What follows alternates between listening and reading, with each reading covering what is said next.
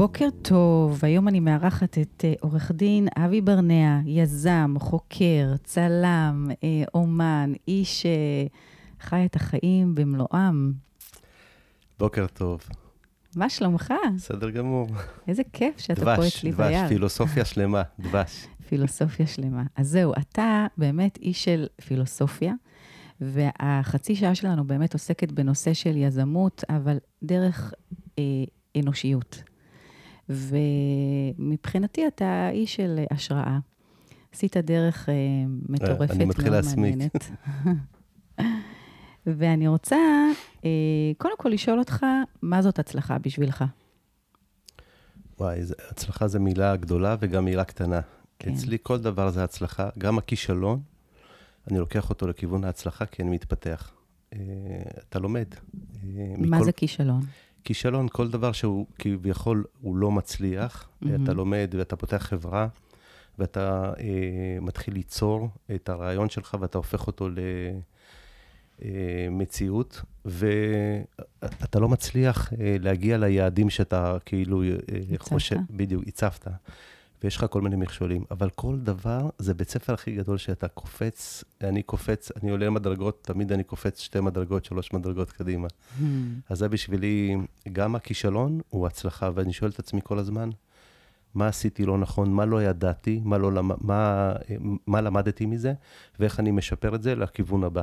ותמיד זה, אז הכל זה הצלחה. ככה אני רואה את זה. והצלחה מהי? יש לי משולש הקדוש. אוקיי. Okay. המשולש הוא זוגיות, הורות ופיננסים.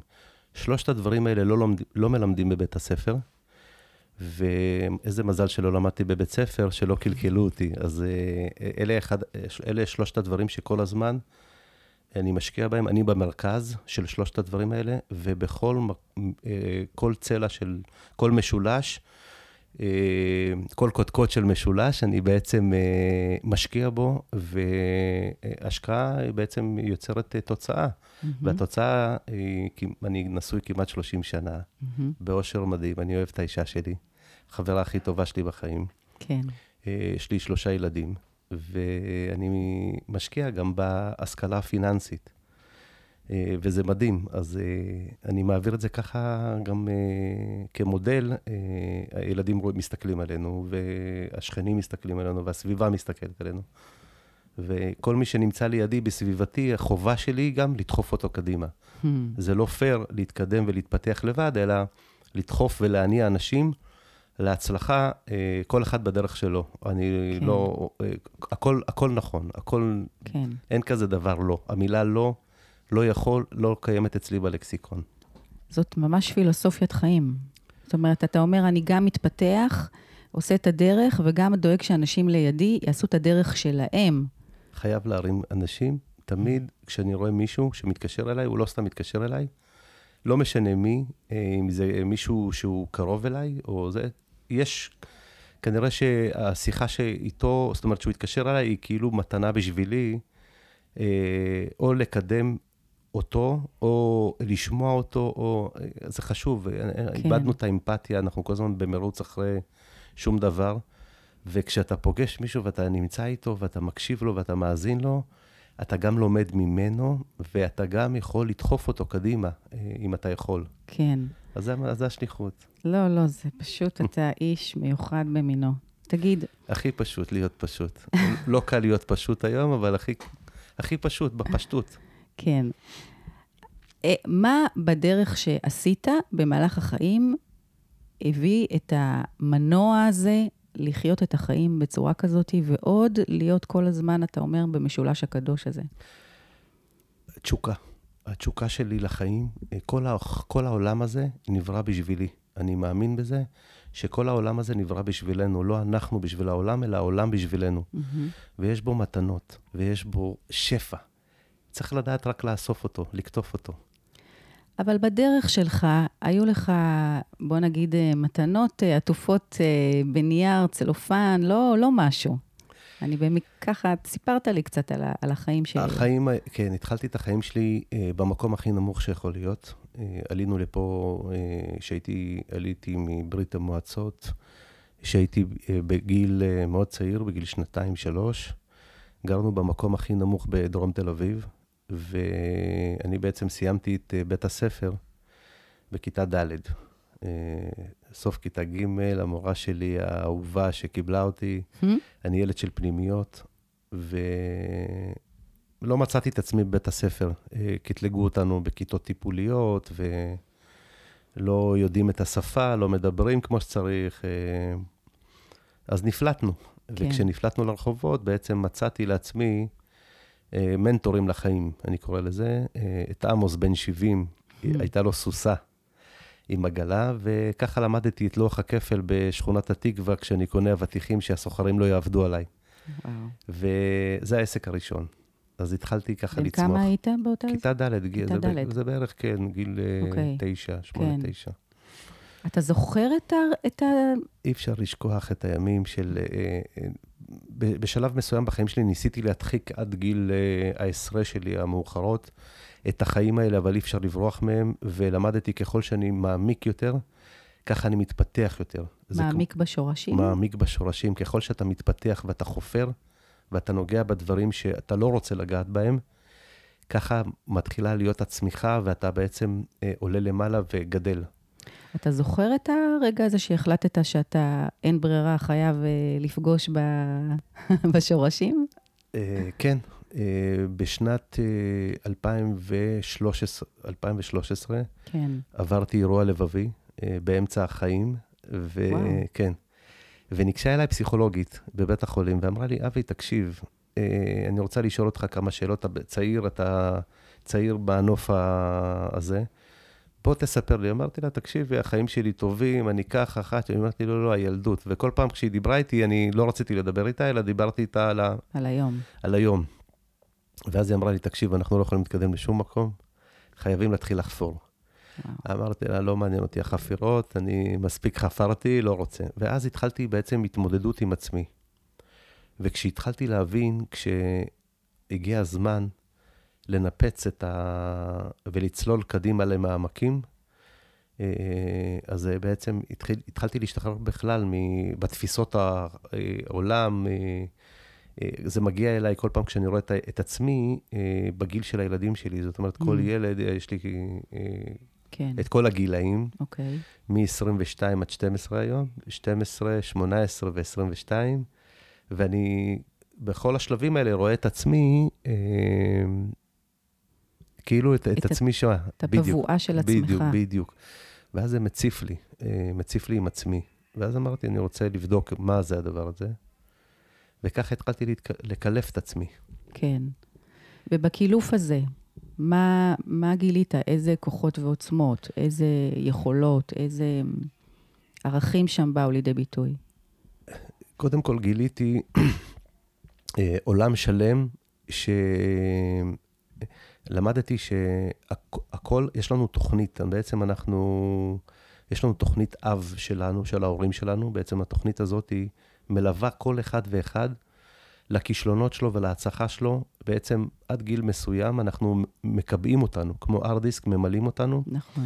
ובעצם אנחנו הופכים להיות המלכים של עצמנו, אבל גם השוטרים והשופטים של עצמנו. נכון. ואנחנו כל הזמן שופטים את עצמנו, אבל מאיפה זה מגיע? זה מגיע משם. וככל שמתמודדים ומבינים את המשמעות הזאת של העבר שלנו, את הארגז כלים, אפשר לשנות אותו. וכשמשנים אותו, פתאום מגלים עולם חדש לחלוטין. ויש המון אנשים שנשארים באותו, אה, באותו מקום. עכשיו, אני קורא לזה כזה דבר. כשאנחנו נולדנו, כל אחד שנולד קיבל מההורים שלו כוס. ועם הכוס הזאת, אה, אנחנו בעצם חיים כמו ארבע, יש ארבע עונות של החיים, של החורף, קיץ, סתיו, אביב. ואני, כשקיבלתי את הכוס שלי, בחורף הוצאתי אותה החוצה, כמו שכולם הוציאו אותם, כן. וירד הגשם. עכשיו, מה עשה הגשם? מילא לי את הכוס. והוא מילא לכולם. עכשיו, עם הכוס הזאת, הייתי צריך לעבור את כל הקיץ. והייתי ילד שובב. עכשיו, השובבות שלי בעצם, הייתי צמא. לקחתי את הכוס והתחלתי לשתות. ושתיתי באותו שנה את כל הכוס, ונשארתי בלי טיפה של מים. ואז באו אליי מומחים ואמרו לי, אבי, תקשיב, אתה, אתה לא נורמלי, אתה צריך לשתות שלוקים קטנים ולעבור את הקיץ. וואו. ובא אליי מומחה אחר ואמר לי, תגיד לי, אל תקשיב למומחה הזה, אתה צריך לקחת שלוק ולצום יומיים. ובא לי מומחה נוסף, אמר לי, אתה לוקח שלוק וצם שבוע, וככה עוברים את הקיץ. עכשיו, רוב האנשים, כמו שהם נולדים עם הכוס הזאת, ככה הם מתים עם אותה כוס. ואמרתי, וואי, כל, כמה מומחים, כל אחד מומחה, אבל מה אני צריך לחשוב? אני צריך להתחיל לחשוב. והתחלתי לחשוב. ברגע שחשבתי, אמרתי, רגע, מה, מה התהליך? גשם, זה, כוס. אבל לכולם יש כוסות. אמרתי עזוב את כולם, מה אבי חסר לו? ואז הבנתי שאני צריך לשנות את הכלי שלי. ושנה לאחר מכן, כבר היה לי סיר. עבדתי אצל עמוס וזה, הגדלתי את הסיר שלי. ושנה לאחר מכן כבר היה לי פח, ואחרי זה דלי, אה, דלי, דלי כן. ואחרי זה פח. ועד שהגעתי לבריכה. עכשיו, בשנה של הבריכה הייתה בצורת, והרבה אנשים מתו, כי הייתה להם כוס, לא הצליחו למתקה בצורת, התפללו ולא היה להם, וואו. לא ירדו המים, אבל לי היה חמישה סנטימטר לכל הבריכה. אני שתיתי, המשפחה שלי שתתה, השכנים שלי, נתתי להם לשתות, כולם, בואו תשתו, כן. תרווחו ותסעדו. מה אנחנו לומדים מזה? אנחנו לומדים מזה, כמו שהמים והטבע, ככה זה העולם של הכסף. 60 משפחות בעולם מחזיקים ב-60% מההון של העולם, יש להם אוקיינוסים. כן.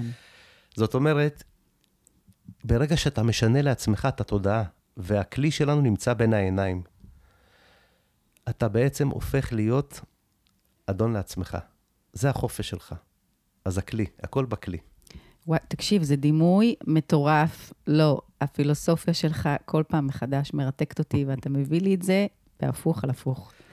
אז באמת, מה, ש, מה שאפשר ללמוד ממך זה שהבעירה הפנימית, לחיות את החיים במלואם, והסקרנות הזאת לגלות עוד על עצמך, וזה גם אומץ, שאתה אומר, באה, אמרה לי, בואי נלך, בוא נלך לאחור, אמרת, לא הולך לאחור, ובכל זאת עם עצמך אמרת, אני הולך כן לחזור לעבר ולבדוק רגע מה היה שם ולגלות עוד על עצמי. הפחד, יש לנו פחד. הפחדים הם דברים טובים. הפח, אם לא היה לנו פחד, אנשים היו חוצים את הכביש והיו נדרסים. אז נכון. הפחד הוא בעצם אה, אה, פרוז'קטור כזה שמזהיר אותנו, אבל הפחד משתק הרבה אנשים. את הפחד הזה הרגשתי בגיל 14, כשעליתי לזירה באליפות ישראל באגרוף. לא יכלתי להזיז את הרגליים שלי, והיריב שלי מכה אותי בכל הכוח, ואני נסוג לאחור, צעד אחרי צעד. אני כבר בפינה. וזאת הפינה של הפחד. אני בשיתוק לא יכול להרים את הידיים. אני רואה את המאמן שלי עם מגבת לבנה על היד, זה בעצם, אם זורקים את המגבת, זה בעצם הפסד של נוקאוט. ואני אומר לעצמי, אבי, אתה חייב. אתה, אני מעדיף למות בזירה ו, ולא למות בחוץ אחרי זה כל הזמן עם, ה, עם, ה, עם הדבר הזה. כן. ואז קיבלתי כוח כלשהו, אני לא יודע להסביר אותו, וברגע שהתחמקתי מהפינה, הצלחתי להזיז את עצמי וניצחתי בקרב. זה אליפות ישראל בפעם הראשונה. בפעם הראשונה חשבתי שזה בפוקס, בפעם השנייה חשבתי, אמרתי, יש פה משהו, בפעם השלישית הבנתי שזה, אני אלוף ללא, ללא עוררין. זאת אומרת, יש לי את היכולות.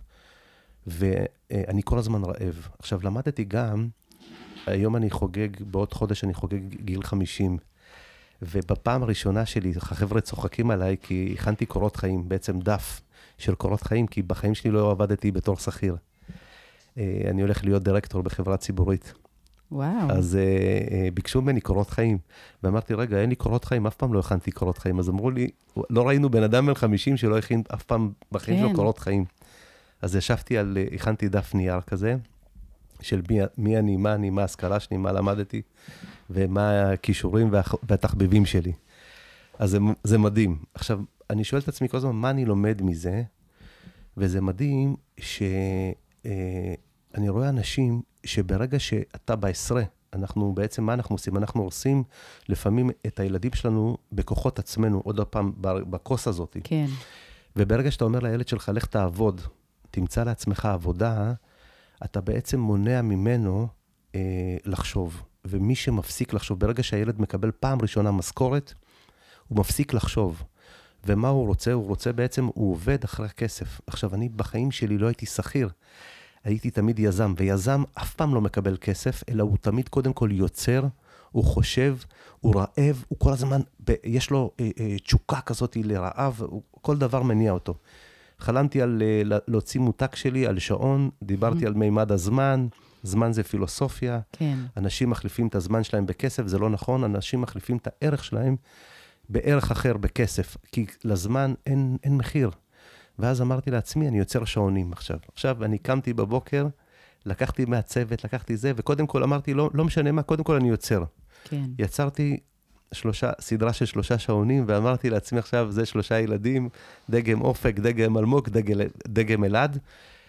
ויש פה בעצם משהו שהוא חשוב, כי אני, הילדים אה, עונדים את השעון ואומרים, וואו, אנחנו בעצם עונדים את עצמנו. יש פה משהו חשוב. מה הדבר?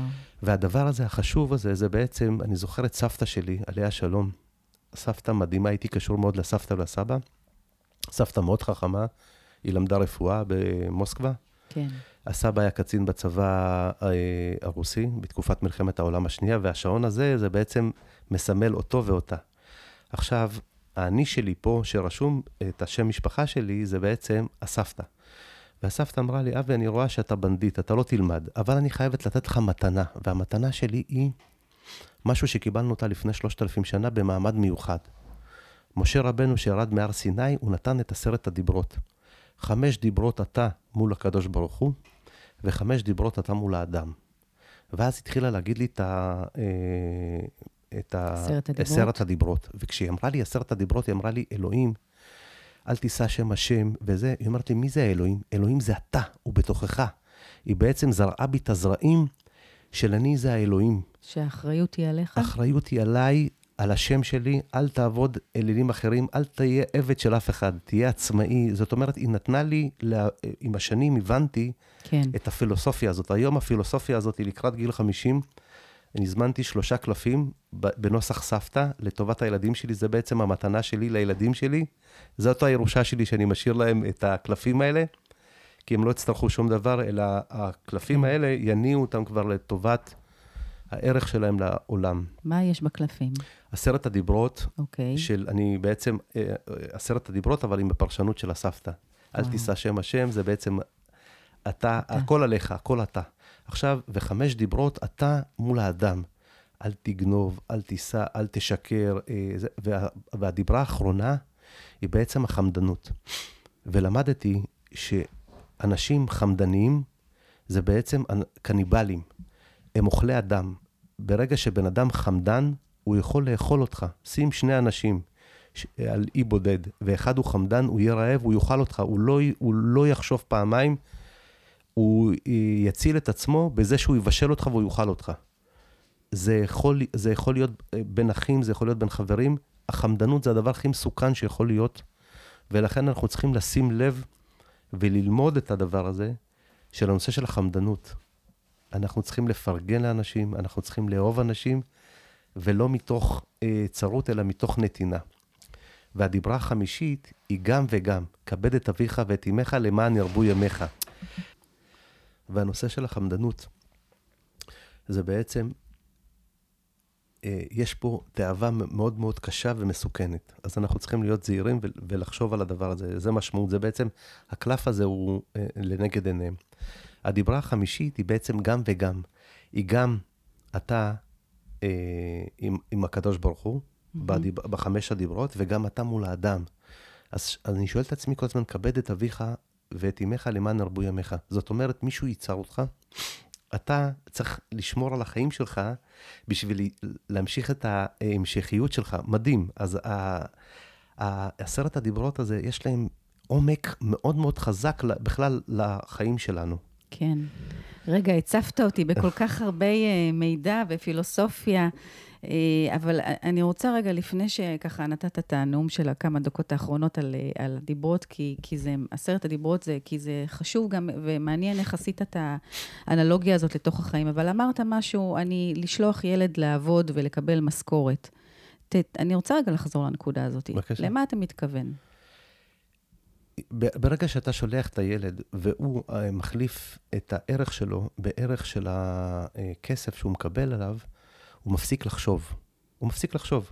מה הוא עושה? הוא בעצם יושב במקום עבודה אה, בשביל להביא, אה, יש לו מטרה, נגיד, לקנות איזשהו משהו. ואז הוא במקום ליצור כן, איך לה, להביא אותו בדרכים של חשיבה ויצירתית כן. והתפתחות.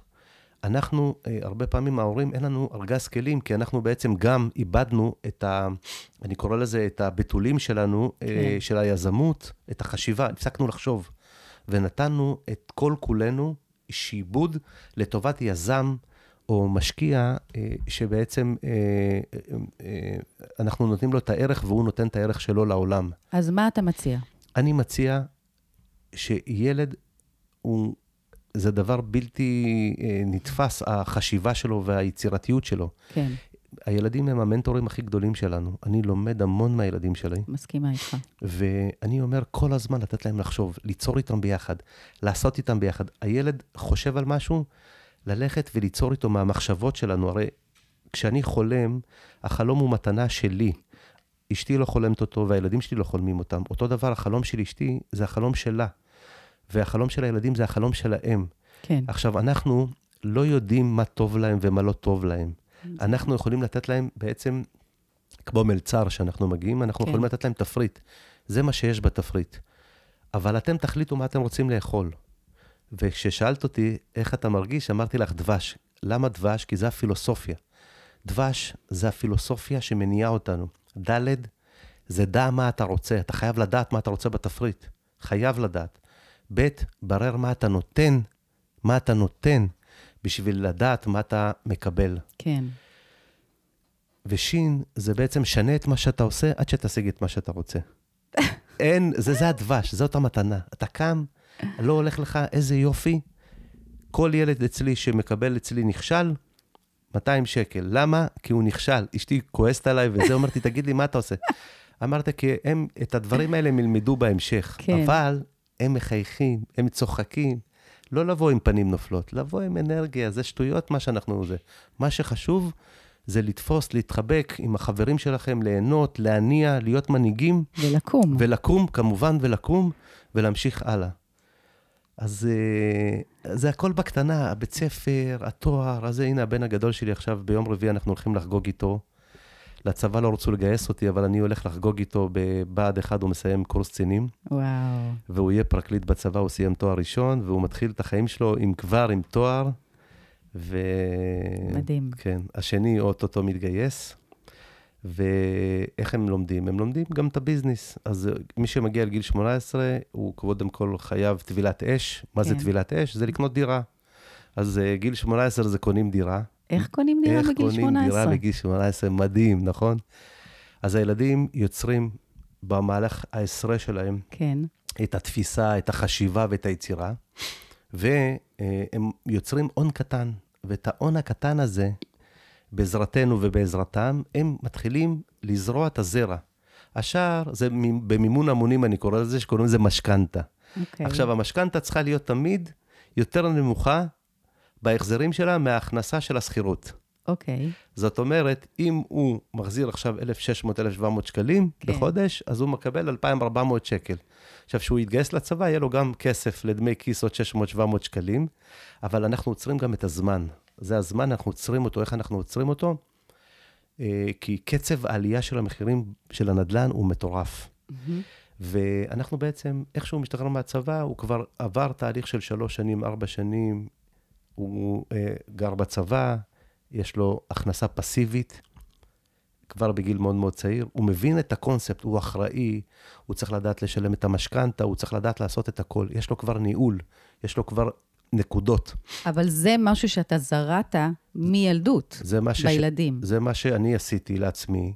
כן, אני כבר בגיל 18 היה לי כסף לבית, אז אני יצרתי, ואמרתי לעצמי, וואי, איזה יופי. והנה, אתה מכניס אותם למעגל של...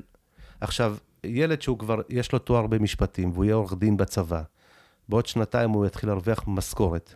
הוא יוכל למנף את הנכס שלו לעוד נכס, אבל הוא בצבא, כן. אז יהיה לו כבר הכנסה יותר גדולה. זאת אומרת, הוא תמיד יוצר את ה... אה, את ה... מההכנסות שלנו, שאנחנו בעצם מרוויחים, אנחנו צריכים לדעת להוציא אותם. זה גם סוג של פילוסופיה וגם של דרך. אה, אני בעצם מאמין בארבעה דברים אה, של, אה, של הכנסות, אבל כן. גם ההוצאות. אוקיי. ואני יוצר לעצמי כמו ארבעה חשבונות בנק. אוקיי. חשבון אחד זה חשבון שאני שם לו בו 10% מההכנסות שלי.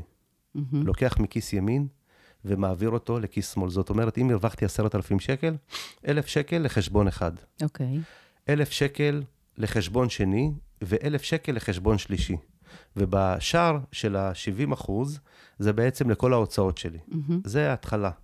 גם אם ההוצאות שלי יותר גדולות היום, אבל אני מתחיל דרך. עכשיו, מה אני עושה ב... בש... ככה כמה שנים אתה עובד בד- בדרך הזאת? כל השנים? כל השנים? ומה אני, זה השנים האלה? זה בעצם למדתי מאשתי עבדלו. אה, אמרה לי, אבי, תקשיב, אני לא רוצה להגיע לגיל 40 כמו שאתה חולם ולצאת לפנסיה ולהתחיל לחיות, אני רוצה מהיום שאנחנו זה, להתחיל לחיות. מה זה להתחיל לחיות? יש לנו יום בשבוע, זה יום ברזל של בילוי משותף. לא משנה ילדים, לא משנה, לבד, אנחנו ביחד, זה המשולש הקדוש. זה המשולש הקדוש. זה בעצם ההשקעה. אני אוקיי. רוצה כל... ש... פעם בשבוע יש לנו יום ברזל, שאנחנו יוצאים. פעם להצגה, פעם לסרט, פעם למסעדה. כל פעם, גם כשאין לנו כסף, זה בקבוק מים על שפת הים, אנחנו, יש לנו את הבילוי שלנו, ביחד, יד ביד, הולכים ונהנים עם זמן איכות, לא זמן כמות, זמן איכות. עכשיו, מה עושים באלף הראשון? באלף הראשון זה כסף לבזבוזים. מה בא לך לאכול סטייק? אין לי כסף, אני במין... לא מעניין אותי. זה אלף לבזבוזים. בא לי בגד טוב, בא לי בית מלון, לא משנה מה. זה האלף שהולך רק לבזבוזים. האלף השני זה אלף של השכלה והתפתחות. זה לספרים, אלף שקל בחודש, עשרה אחוז מההכנסות הולכות להתפתחות, לקורסים, להעשרה, ללימודים ולספרים. אלף שקל, עשרה אחוז להתפתחות. באלף השלישי זה חשבון שאנחנו לא עושים איתו כלום, זה רק לקחת את האלף, ללמד אותו איך להיות אלפיים, ומאלפיים להיות ארבעת אלפים. זאת אומרת, אתה מלמד את הכסף לעבוד בשבילך. לא משנה, בפעם הראשונה מחקת את הכסף. בית ספר, יש עוד פעם, יש עוד חודש ועוד חודש, עד שאתה מצליח לעלות על הגל. בשלב מסוים בחיים שלך, אתה בעצם מעביר מכיס ימין לכיס שמאל 90 אחוז, ואתה חי בהוצאות של 10 אחוז. זאת אומרת, ברגע שאתה לומד את הסיסטם של העושר, אתה מבין אותו. מהמם. עכשיו, אני בתור ילד, אבא שלי היה לוקח אותנו בשבת בבוקר, מדרום תל אביב לים ברגל, היינו חוצים את כל רחוב אלנבי. עכשיו, מה היינו רואים? היינו רואים את כל החנויות, כל החלונות הראווה, ליווייסים ואולסטרים וכל המותגים שהילדים היו אצלנו כן. הולכים איתם, והחנויות סגורות, ואתה רוצה, והוא היה אומר לי תמיד, אין לי כסף, אנחנו הרי הולכים ברגל. כן. אז יש את הלא. וכשהתחלתי לעבוד, בגיל העשרה, כבר היה לי עסק והעסקתי שבעה עובדים. והייתי מרוויח ביום מה שאבא שלי היה מרוויח שלושה חודשים בתעשייה אווירית.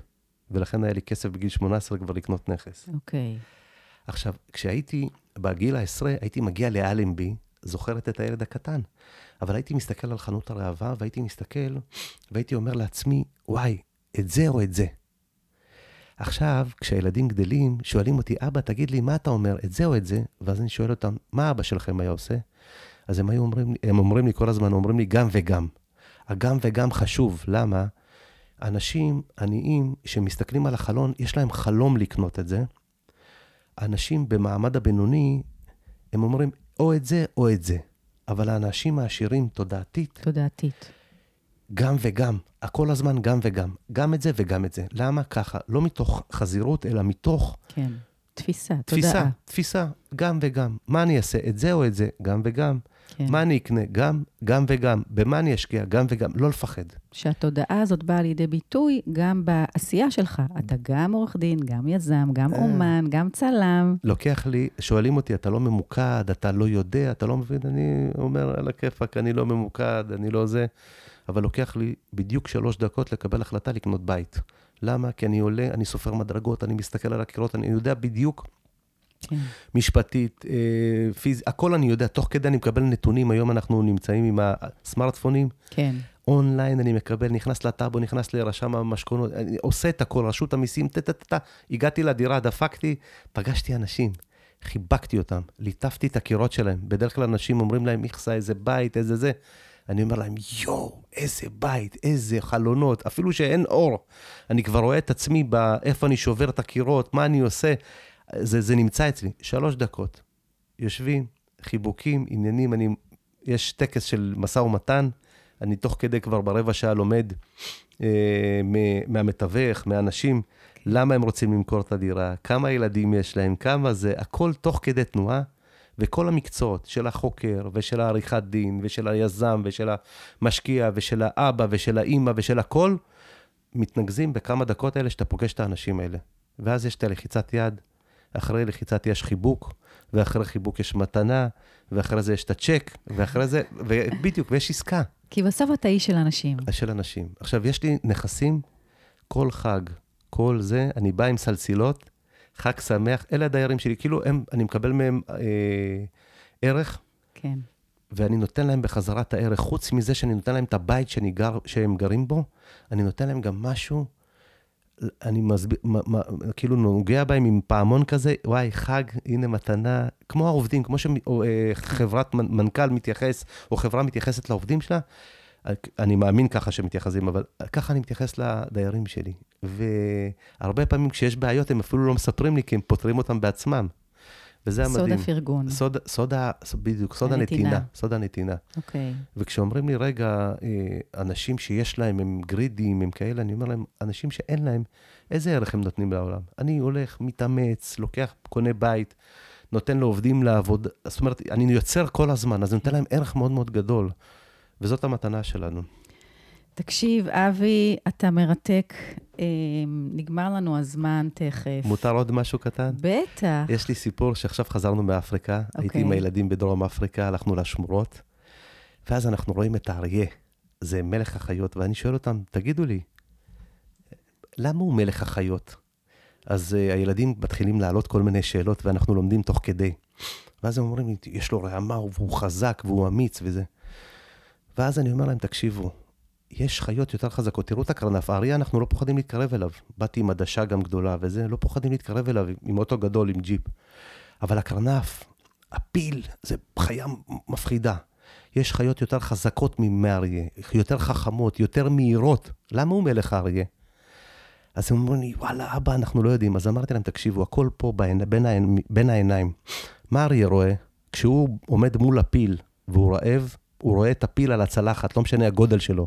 ולכן הוא אריה, הוא מלך החיות, הוא לא רואה אף אחד בעיניים, הוא רואה אותם על הצלחת. ג'ירפה, חיות יותר מהירות, יותר...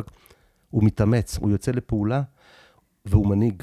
הוא מנהיג, הוא מנהיג לא, פעם, לא, לא כל הזמן צריך לרדוף אחרי ולהביא אוכל, אלא הוא מנהיג, הוא שומר, הוא נותן הוראות, הוא לוקח אותם למקומות. זה התפקיד של המנהיג. הכל בין שני העיניים. מה הוא רואה אותם? הוא רואה אותם על הצלחת, אז אני שואל אותם, איזה חיה אתם? כולם אריות, אנחנו... זאת התשוקה, זאת, זה הרעב איזה שלנו. איזה חיה אתה?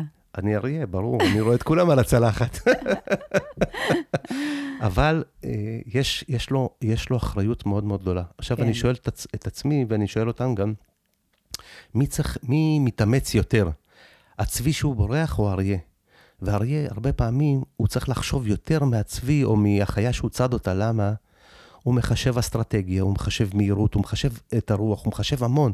הוא צריך שיהיה לו המון המון כלים בשביל הדבר הפשוט הזה, בעצם הלשרוד הזה. כן. והוא צריך להביא גם כמות מספיק לש, לשבט שלו. לשבט. והוא צריך גם לדאוג להם להגנה מפני אה, מזג האוויר, וגם הצל, וגם, יש לו, וגם מקורות של מים. יש לו תפקיד מאוד מאוד חשוב. אבל לא משנה מי יעמוד מולו, מה הוא רואה אותו? על הצלחת. אבי יקר, יואו, יש פה מלא דברים שאנשים יכולים לקחת ממך ולאמץ לתוך החיים שלהם, אה, ולהידבק בתוך התשוקה הזאת שלך, שהיא באמת אה, בלט. מחברת בין, אה, בין רוח לחומר בצורה כל כך יפה ועדינה ובענווה. זאת השראה. תודה רבה. תודה רבה לך. תודה, תודה, תודה על לך. הזמן הזה ביחד. ביי, להתראות. ביי.